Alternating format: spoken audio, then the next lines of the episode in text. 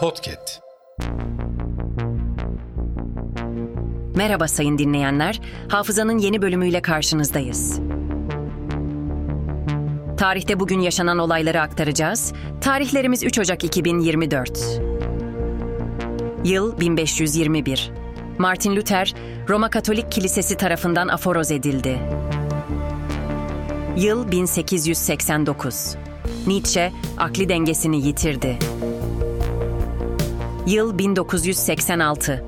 O zamanki adı İstanbul Menkul Kıymetler Borsası, şimdiki adıyla Borsa İstanbul'da hisse senetleri alım satımı başladı. Yıl 1988. Margaret Thatcher, 20. yüzyılda Birleşik Krallığın en uzun süre görevde kalan başbakanı ünvanını aldı. Sonraki iki yıl daha bu görevde kalmaya devam etti. Yıl 1993.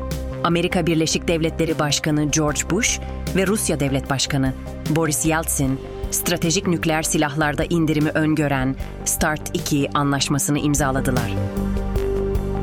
Yıl 2009. İsrail ordusu Gazze şeridine yönelik kara harekatına başladı. Hafızanın sonuna geldik. Yeni bölümde görüşmek dileğiyle. Hafızanızı tazelemek için bizi dinlemeye devam edin.